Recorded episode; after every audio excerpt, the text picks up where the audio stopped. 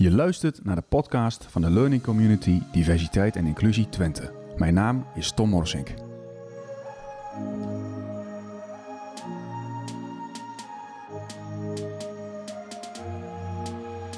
Vandaag twee gasten aan tafel, Michel Letterboer en Paul van Lange. Hartelijk welkom. Paul, wil jij jezelf even voorstellen? Ja, ik ben Paul van Lange en ik werk als hoogleraar psychologie aan de Vrije Universiteit. En ik ben met name bezig met thema's rondom samenwerking tussen mensen. Hoe zorg je ervoor dat mensen zich willen inzetten voor de groep in plaats van voor het eigen belang? Ik hou me bezig met vertrouwen, altruïsme, maar ook agressie bijvoorbeeld en rivaliteit tussen mensen. Oké, welkom. Aan de andere kant zit eh, Michel Letterboer. Van harte welkom. Zou je jezelf ook even willen voorstellen? Ja, ik ben uh, Michel Letterboer, 28, uh, uit Almelo. En ik ben geschiedenisdocent. Momenteel werk ik uh, in, als docent in het middelbaar speciaal onderwijs. En daar, nou ja, goed, daar begeleid ik kinderen met onder andere autisme, ADHD, gedragsproblemen. Oké. Van harte welkom heren nogmaals. Um, we zijn bezig met de, termen inclusie en diversiteit. Paul, um, waar moet jij aan denken als je, de, als je die woorden hoort? Nou, beide woorden worden ontzettend vaak genoemd, met name in organisaties. Diversiteit is een soort buzzword uh, geworden. Mm -hmm. Maar als ik terug ga naar mijn eigen geschiedenis, dan denk ik aan, als ik denk aan diversiteit en ook inclusie, dan denk ik met name aan mijn eigen jeugd, waarbij ik uit Fromsop eigenlijk heel erg vertrouwd raakte met een soort Um, ja, zeg maar een, een soort gewone sociale klasse. Mm -hmm. Zo ervaar, ervoer ik dat destijds. Maar het was eigenlijk een, een lagere sociale klasse, als ik het eerlijk zeg. Ja. En te, terwijl ik in Almelo op school zat, en dan, ging je, en dan zat je toch eigenlijk met een hele andere groep. En had je te maken met, met, met gymnasiasten, mensen die ateneum deden, et cetera. Mm -hmm. En die vaak een hele andere achtergrond hadden. En toen ging ik naar de VU toe, ja. en daartussendoor nog tien jaar Groningen. Dan heb je dat ook in de academische wereld, heb je ook weer te maken met andere mensen. Dus ik vind eigenlijk die inclusie die ik eigenlijk zo mee heb gemaakt van uh, in mijn leven, dat, dat, uh, ja, dan denk ik heel erg aan sociale klasse. Ja. Maar natuurlijk is het veel breder uh, richting etniciteit, richting gender, et cetera. Maar ik vind met name die sociale klasse eigenlijk een hele mooie dimensie, omdat die vaak zo onzichtbaar is. Je kunt bij etniciteit kun je het zien, mm -hmm. bij geslacht kun je het zien. Maar juist bij sociale klassen niet. En daarom ben ik eigenlijk zelf heel erg gefascineerd door sociale klassen. Oké, okay, ja. En Michel, hoe is dat voor jou? Waar moet jij aan denken als je inclusie en diversiteit hoort? Nou ja, het zijn natuurlijk uh, momenteel hot items, hot items in de samenleving. Er komt ja. veel tegen. Het leidt ook tot veel verdeeldheid tussen mensen. Uh, en we zien natuurlijk in het onderwijs waar ik werk, uh, daar is ongelooflijk veel diversiteit. Natuurlijk allerlei verschillende leerlingen. Maar ook mij voert het terug uh, naar mijn jeugd. Omdat uh, nou, in mijn jeugd was ik daar ook veel mee bezig. Maar dan eigenlijk op een beetje een verkeerde manier. ik was vooral een tegenstander van inclusie en diversiteit. En ja, daar heb ik me in mijn jeugd nog wel op een extreme manier mee bezig gehouden. Oké, kun je daar misschien iets meer over vertellen? Ja, ik, uh, toen ik 16 was ongeveer op de middelbare school uh, radicaliseerde ik. Ik werd beïnvloed met allerlei uh, hele extremistische opvattingen in het extreemrechtse spectrum. En nou ja, dat, daar werd ik dus een hele grote tegenstander van, onder andere diversiteit.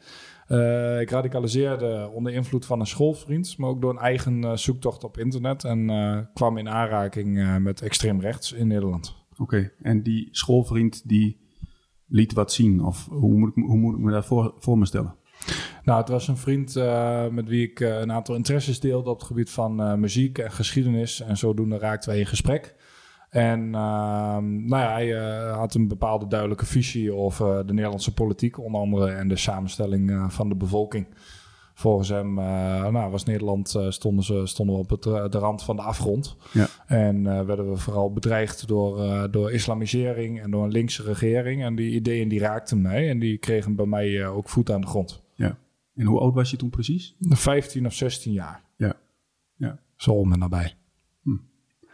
Interessante leeftijd ook, waarbij mensen veel meer maken. Waarbij je ook eigenlijk op zo'n leeftijd waarschijnlijk extra ontvankelijk bent voor allerlei invloeden van buitenaf. Hè? Het heeft ook te, soms te maken met zaken als bijvoorbeeld uh, erbij willen horen. Uh, wat uh, juist op die leeftijd een grote rol kan spelen. Ja. Maar een vraag die mij, die mij direct naar boven dwarrelde bij mij was... Um, als je het hebt zo van, ja, ik was tegen inclusie en ik was tegen diversiteit... Um, bedoelde je dan ook eigenlijk van uh, eigenlijk elke andere groep dan de eigen groep, die is eigenlijk, daar is iets fout mee? Of hoe, hoe generaliserend is het eigenlijk? Nou ja, eh, dat heeft zich inderdaad bij mij wel ontwikkeld. Het ging van, uh, van een hekel aan de islam krijgen naar nationaal-socialistische opvattingen. Waarbij ik een staat ambieerde met één volk en één ras en één leider. nou ja, een eenheidsbeginsel met een sterke leider. Dus geen andere volken, andere elementen in de staat. Dat werden mijn opvattingen. En werd jij daarmee ook nog weer extremer dan die vriend dat was? Of gingen jullie gelijk op in die, in die ontwikkeling? Nee, wat opvattingen betreft gingen wij wel gelijk op, ja. En, hoe heeft zich dat, uh, die, die, die tijd erna ontwikkeld? Wat, wat, wat, uh, hoe gaat dat? Gaan, ga je ook proberen andere vrienden daarin mee te nemen? Wat merken je ouders ervan? Nou, ik noemde al natuurlijk het internet ook als een, een deel van mijn ontwikkeling daarin. Ik heb mijzelf eigenlijk verder geradicaliseerd door op internet op zoek te gaan naar de waarheid van, van de opvattingen die ik, die ik aangereikt kreeg. En door algoritmes, waardoor je steeds meer van hetzelfde te zien krijgt, werd, werd ik in mijn opvatting ook versterkt. Dus die raakte vertrouwd, die raakte verankerd. En nou ja, zodoende raakte ik, ook, kwam ik ook in aanraking met mensen binnen het extreemrechtse spectrum. Mm. Onder andere de Nederlandse Volksunie. Dat is een extreemrechtse Nederlandse partij met wie ik mij vanaf dat moment ging associëren. En ja, daar probeerde ik natuurlijk ook anderen van te overtuigen. Ja. En um, je zegt, ik probeer daar ook anderen van te overtuigen. Um, je ouders, hoe, hoe gingen die daarmee om? Nou, mijn ouders die waren uh, het totaal niet met mij eens, maar die wisten ook niet heel goed hoe ze met deze uh, ontwikkeling om moesten gaan. Uh, voor radicalisering was in die tijd nog bijna geen aandacht. Het was de tijd een paar jaar na de moord op Theo van Gogh, toen men voor het eerst op zoek begon te gaan van hoe terroristen tot hun daden komen. Dus toen kwam radicalisering voor het eerst een beetje in beeld. Mijn ouders zaten met handen in het haar. Ze klopte aan bij jeugdzorg. Die kon niks doen omdat ik uit een heel normaal gezin kwam zonder problemen. Ze klopte aan bij de politie. Die kon niks doen omdat ik geen wetsovertredingen uh, beging. Uh, mijn school die legde mij allerlei repressieve maatregelen al op. Zodat ik zoals niet meer over politiek praat binnen de schoolmuur. Of mij niet meer als skinhead kleden wat ik toen deed. Uh, dus die zeiden ook van ja, we, we hebben eigenlijk ook al ons uh, deel gedaan. En uiteindelijk kregen ze overal nul op het request. En mijn ouders probeerden uiteindelijk vooral het contact met mij te behouden. Ja, Dat, is, dat is wel een goede insteek van je ouders geweest, moet ik zeggen. Ja, dus, dus, voor een deel komt het uh, voort uit, nou ja, we ook wel wanhoop. Uh, en vooral om mij natuurlijk dichtbij te houden. Mm. Uh, dus met name mijn moeder probeerde met mij het gesprek over politiek gaande te houden. Om toch vooral nou ja, mij aan het woord te laten. Om, om ruimte te geven aan, aan mijn, wat mij bezig hield. En dat hebben we lang face-to-face geprobeerd. Gewoon in het gesprek. Maar daar werd ik of verbaal overtuigde ik haar gigantisch. Omdat ik mij enorm aan het verdiepen was in bepaalde bepaalde standpunten. Of ik werd verbaal heel agressief en dat leidde tot ruzie tussen ons. En dan uh, nou, uiteindelijk communiceerden we bijvoorbeeld via e-mail verder. Dan konden we onze woorden wat beter wegen en gingen wel de confrontatie uit de weg. Maar vonden we toch de ruimte om toch wel uh, met elkaar in gesprek te blijven. En ik denk dat dat uh, heel waardevol is geweest. Nou, dat klinkt wel. wat ik heel interessant vind aan jouw verhaal is het feit dat je zeg maar via internet. En dat gebeurt zoveel op dit moment, dat mensen hun eigen bubbel weten te vinden via die algoritmes deels. Maar deels doen mensen dat ook soms omdat als mensen kunnen kiezen zeg maar, voor een, om om te gaan met gelijkgezinden, dan doen vrijwel iedereen doet dat. Die vindt zijn eigen bubbel op internet. En vroeger dachten we van, uh, god, dit is iets, een kwestie van mensen die, uh, die doen dat ook.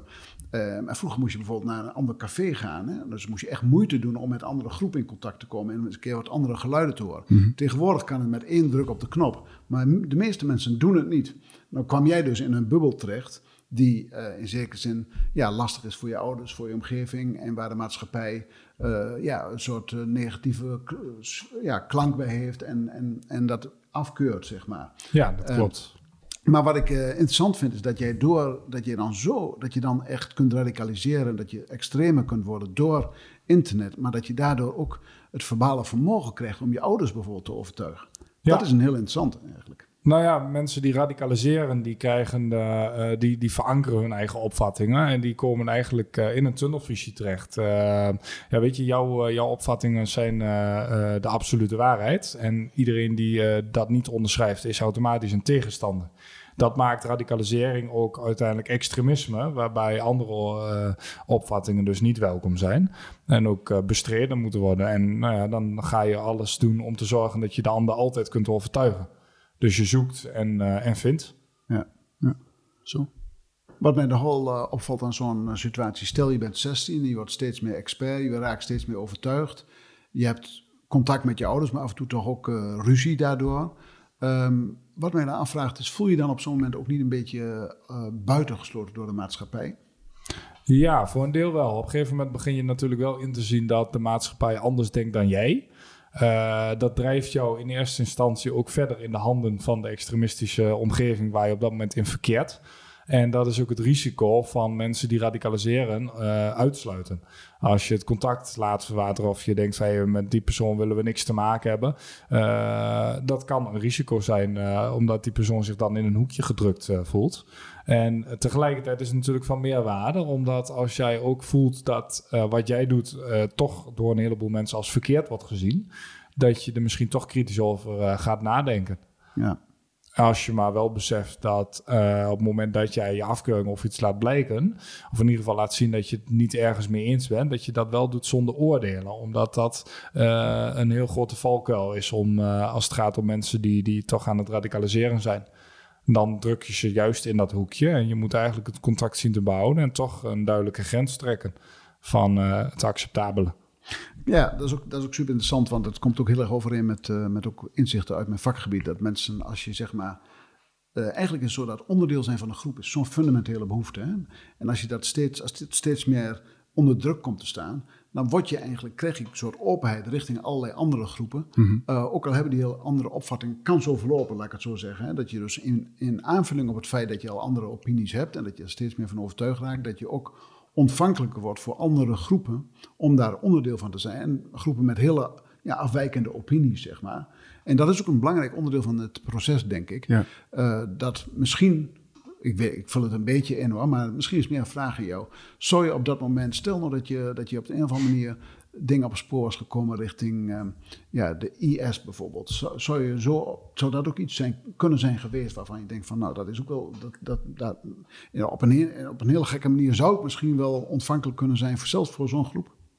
Dat ligt er natuurlijk aan hoe sterk de voedingsbodem is. Als jij uh, uh, uit een heel uh, verscheurd gezin komt en je bent achtergesteld of voelt je achtergesteld door de maatschappij, dan is die voedingsbodem heel erg groot. Want dan zoek je naar gelijkgestemden die jou wel dat thuisfront bieden en wel die omarming bieden. En dan wil je inderdaad ergens bij horen.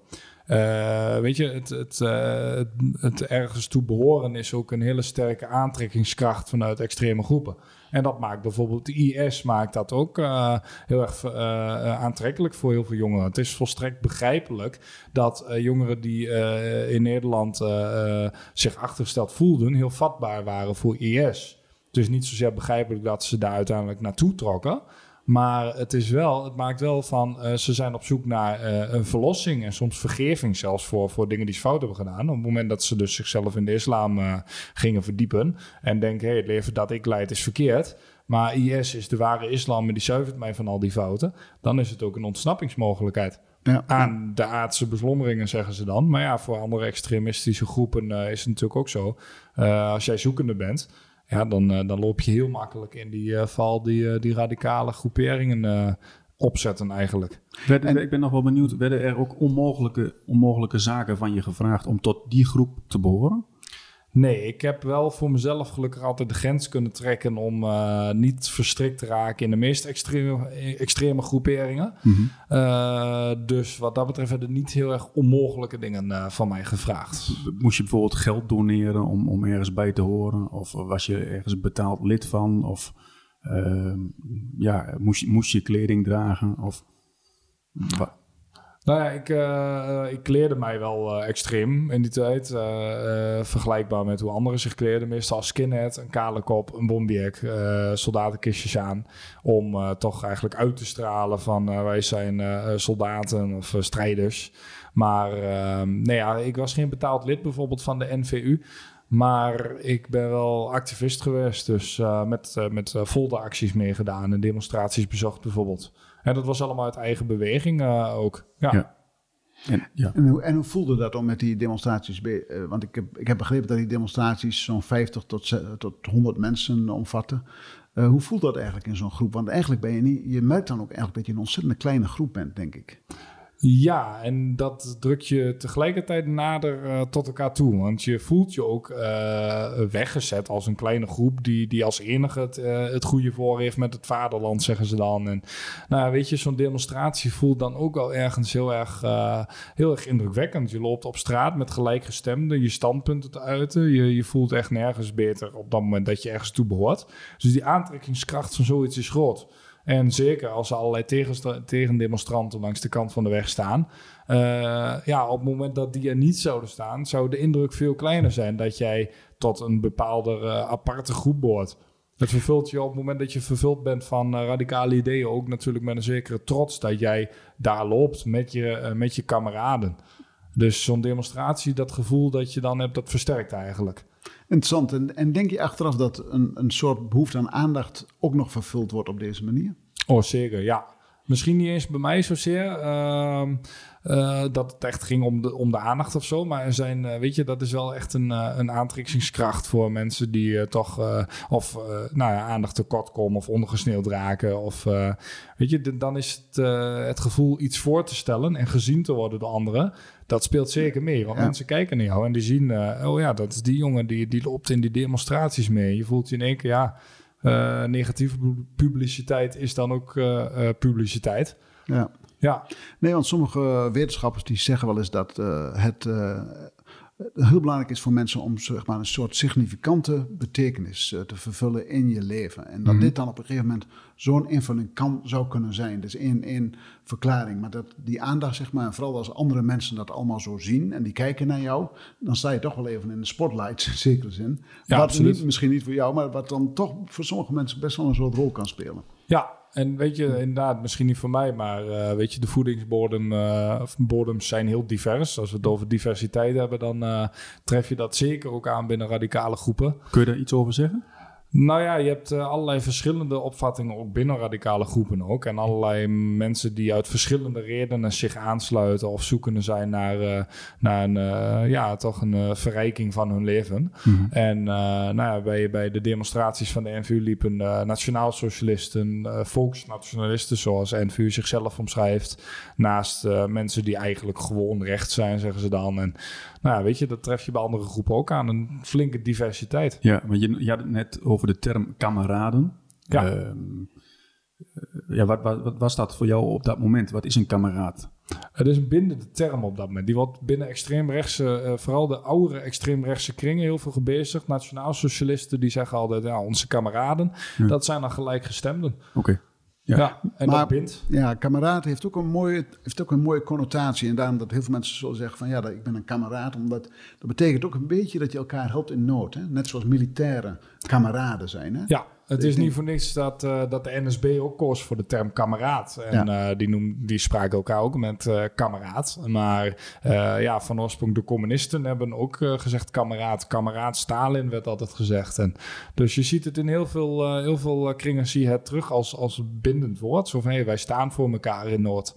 Ja. En nou ja, dat, dat binden, dat, dat is wat heel veel mensen zoeken en vinden. Ja. Wat mij uh, nogal intrigeert en eigenlijk uh, constant. Uh, ik, op weg hier naartoe luisterde ik naar de radio. En toen, toen bleek ook dat er allerlei toestanden waren rondom ja, dat homoseksuele organisaties werden aangevallen. ik weet niet eens meer welk land het was. maar wat mij, wat mij zo raakt is eigenlijk van... wat is nou eigenlijk de angst voor een groep die jou zelf eigenlijk betrekkelijk weinig doet? Uh, als ik bijvoorbeeld heb over homoseksuelen, dan nou pak ik het één groep uit. Hè? Maar uh, als je nou denkt aan van, ik, eigenlijk ben ik tegen diversiteit richting alle groepen op dat moment. Hè? Als je nou terugkijkt, is er dan, in hoeverre speelt angst dan eigenlijk een rol? En wat voor soort angst is het dan eigenlijk? Ik denk uh, wat momenteel vooral bijvoorbeeld een rol speelt, is de angst voor uh, wat ze ook wel zeggen, omvolkingstheorieën. Er bestaat binnen extreem rechts momenteel het idee dat het blanke ras wordt vervangen door geboorte dat uh, buitenlandse mensen uh, door geboorte eigenlijk het blanke ras verdrijven uit Europa. En uh, nou ja, die theorie die schiet enorm wortel. En dat is een serieuze angst bij heel veel mensen, dat op een dag het blanke ras niet meer bestaat. En de cultuur van de blanken verdwijnt. Dus rassentheorieën, die voeden ook heel erg de angst die momenteel heerst. En ook, nou ja, dat was in mijn tijd niet anders.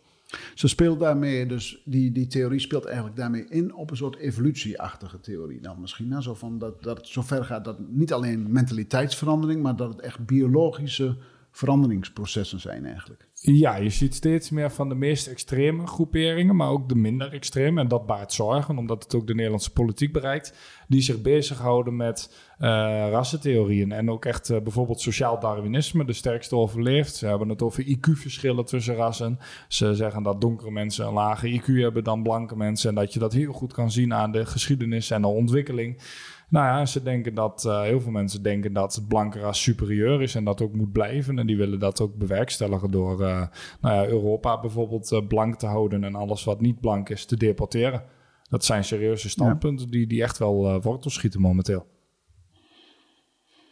Ja, interessant, met name in, in een week waarbij de slavernijverleden nu op een gegeven moment door, door in ieder geval de burgemeester van Amsterdam uh, dat daar excuses voor is aangeboden, wat echt een uh, historische gebeurtenis in mijn ogen is. Wat ik mij wel afvraag is van, als je nou terugkijkt, hoe zouden die mensen kijken ten aanzien van het slavernijverleden?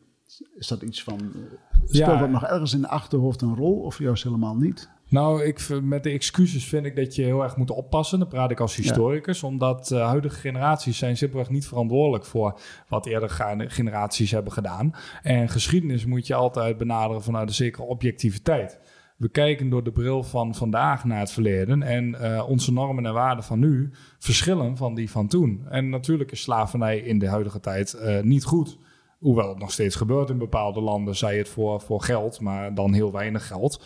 Uh, toch kun je dan spreken van slavernij. Maar in die tijd was slavernij geaccepteerd, omdat mensen hele andere opvattingen en ook normen en waarden op nahielden.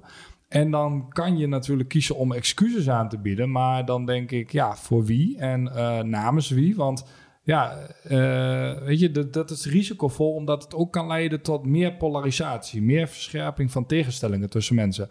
Want uh, de blanke mensen die toch al uh, uh, um, nou ja, rechtse opvattingen ontwikkelen, die voelen zich nog meer in de hoek gedrukt van ja, mijn ras is fout. En de donkere mensen die gevoed worden met ideeën dat zij ook slavernij hebben meegemaakt, wat niet zo is. Um, nou ja, die, die versterken in, uh, ja, maar dat is ook ons verleden en wij moeten daar uh, excuses voor krijgen. En nou, die worden weer uh, ja, daar feller in hun opvattingen.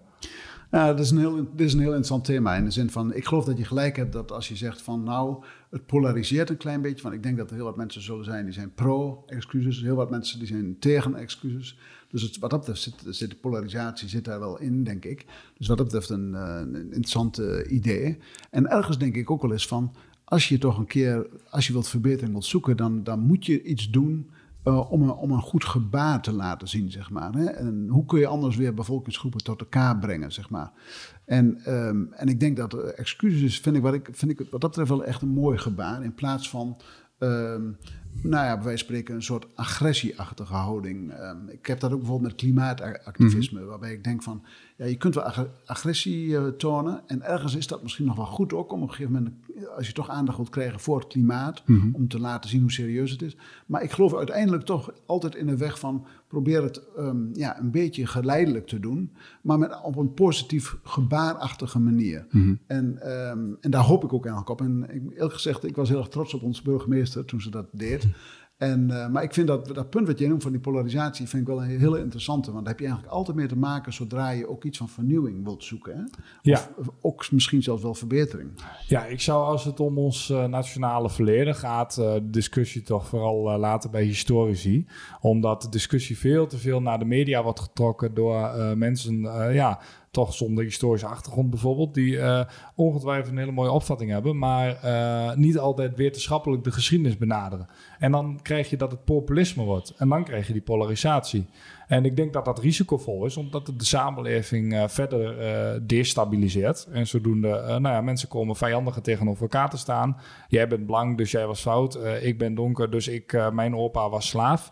Ja, zo, het ligt veel genuanceerder dan dat. En daardoor krijg je meer strijd, maar ook mensen die, die daaruit weer uh, kunnen radicaliseren. Ja. Alle kanten op. Je, en, je, vertelde net, Michel, dat je um, eigenlijk van bepaalde uh, ideeën eigenlijk af bent of niet meer hebt. Hoe is dat proces gegaan? Nou, op een gegeven moment uh, uh, heb ik het voor elkaar gekregen, zullen zeggen, om te deradicaliseren. Dat lag ten grondslag aan, of diverse invloeden lagen daaraan ten grondslag. Het, uh, het eh, bestond voor een deel uit een hele sterke omgeving thuis. Met ouders die dus mijn ideeën verwierpen en, uh, en maar wel ondertussen in contact bleven. Een oom van mij die een soort van klankbordrol heeft vervuld. Heeft heel lang bij de inlichtingendienst gewerkt en wist waar hij over praten. En nou ja, ik ben ook fanatiek supporter van Herakles. En nou ja, die omgeving is van grote waarde voor mij, maar liet ook heel duidelijk een afkeuring blijken over mijn bezigheden. Oké, en even naar je ouders, want die noem je als eerste. Wat is dat moment geweest waarbij je toch ontvankelijk werd voor nou ja, eh, de, de woorden die je ouders eigenlijk noemden op dat moment? Nou, daar werd ik niet heel erg ontvankelijk voor. Op zich voor hun woorden zozeer. Maar het was dat die omgeving uh, gewoon sterk was en uh, waar ik altijd een thuis vond. Mm -hmm. Dus ik voelde me niet uh, weggedreven. Ik wist dat ik bij mijn ouders altijd terecht zou kunnen. Mm -hmm. ondanks welke opvattingen ik koesterde. Dus op het moment dat je zo'n sterke omgeving hebt, dan heb je een basis waar je altijd naar kunt terugkeren. Ja. En dat maakt dat, je, ehm, dat er een mogelijkheid is dat de groepering waar je dan in bevindt, dat je die ook weer kan verlaten. Omdat mm -hmm. je weet, ik kan ergens naartoe. Mensen die geen sterke uh, omgeving bijvoorbeeld thuis hebben of met een vriendenkring of een sociaal vangnet. Voor hun is deradicaliseren veel lastiger. Uh, hoe verder uh, zij erin verstrikt zijn, hoe lastiger het wordt. Ja. Als ze geen alternatief hebben. Ik, ik, denk dat je ouders een groot compliment verdienen. Ook met name omdat je zo'n veilige omgeving weet te creëren en te houden, zeg maar. Want ik kan me voorstellen dat er ook best wel ouders zijn, misschien wel de meerderheid van de ouders, die, die zich bijna een klein beetje gaan afzetten op een gegeven moment tegen hun kind. En uh, vooral op, op die leeftijd van 16, tussen 16 en 20, uh, waarbij het allemaal best wel lastig allemaal is, uh, kan ik me voorstellen dat het, nou ja, ik vind dat heel erg knap. Maar ik wil, wel, wil graag ook wel iets horen over Heracles, want ik ben ook een ontzettende Heracles-fan. Dus hoe, hoe ging dat precies? Nou ja, ik ben uh, zeker fanatiek uh, supporter van Herakles. Opgegroeid op de tribune dankzij uh, ook meer mijn ouders. Dat is het grootste cadeau wat ze me konden geven ooit. Maar uh, nou ja, goed, Herakles is van invloed geweest op mijn, uh, mijn uh, deradicalisering. Omdat in Nederland is politiek is, niet geaccepteerd op de tribune. Links, rechts, maakt niet uit. je bent er voor de club. En elke vorm van politiek activisme is gewoon niet welkom bij fanatieke aanhangen. bij Herakles was dat niet anders. Daar, daar, merkte men dat ik actief was voor de Nederlandse Volksunie. Liet mij ook echt blijken dat ze daar niet van waren gediend. En ook dat, uh, nou ja, in de omgeving van fanatieke supporters, um, uh, dat dat snel de ronde kan doen, uh, welke bezigheden ik erop nahield. En dat de groepen daarop werden aangekeken. Dus die liet echt een afkeuring blijken, waardoor die omgeving een beetje begon te wankelen. En die omgeving is ook van, nou ja, zeg ik van grote waarde. En op het moment dat dat begint te wankelen, dan ontstaat bij jou wel de vraag: wat zet ik allemaal op het spel voor, voor mijn opvattingen? Is het dit allemaal waard? En dan ontstaat er een vorm van zelfreflectie. Ja, zelfreflectie en ook het feit dat je eigenlijk buiten de hele belangrijke groep van Heracles komt te vallen. Dus eigenlijk ook een soort sociaal motief. Hè? Dus dat uh, wat voor ons allemaal zo hmm. ontzettend speelt van we willen graag bij een groep horen. Dus voor één even sterk als voor de andere, zeg maar. Niemand die kan zich daarvan ontdoen, denk nee. ik. Dat zeg ik als, uh, als wetenschapper echt. Maar wat ik, wat ik interessant vind, uh, ja, dat ook zo'n zo'n Heracles, zo'n zo'n eigenlijk een soort gemeenschapje is, die zo hecht is uh, dat ze dat zo tegen jou durven te zeggen, dat zeggen ze natuurlijk als groep. Maar ik denk dat ze dat één op één waarschijnlijk ook wel zo ze hebben meegedeeld. Schat ik zo in? Ja, ik heb uh, de nodige discussies ook één op één met jongens ja. van onze uh, fanatieke aanhang gehad over mijn ideeën. Die het, ze waren het ook volstrekt niet met mij eens. Maar het mooie is dat er een aantal mensen binnen de fanatieke aanhang heel vaak het gesprek met mij aangingen. En echt een felle discussie met mij voerden. Uh, maar wel die discussie aangingen. Dus ik werd nog niet door hun doodgezwegen of meteen uh, uh, buiten de rangorde gezet of buiten de groep. En nou ja, dat, dat wordt dus ook een klankbord en ook een heel sterk tegengeluid.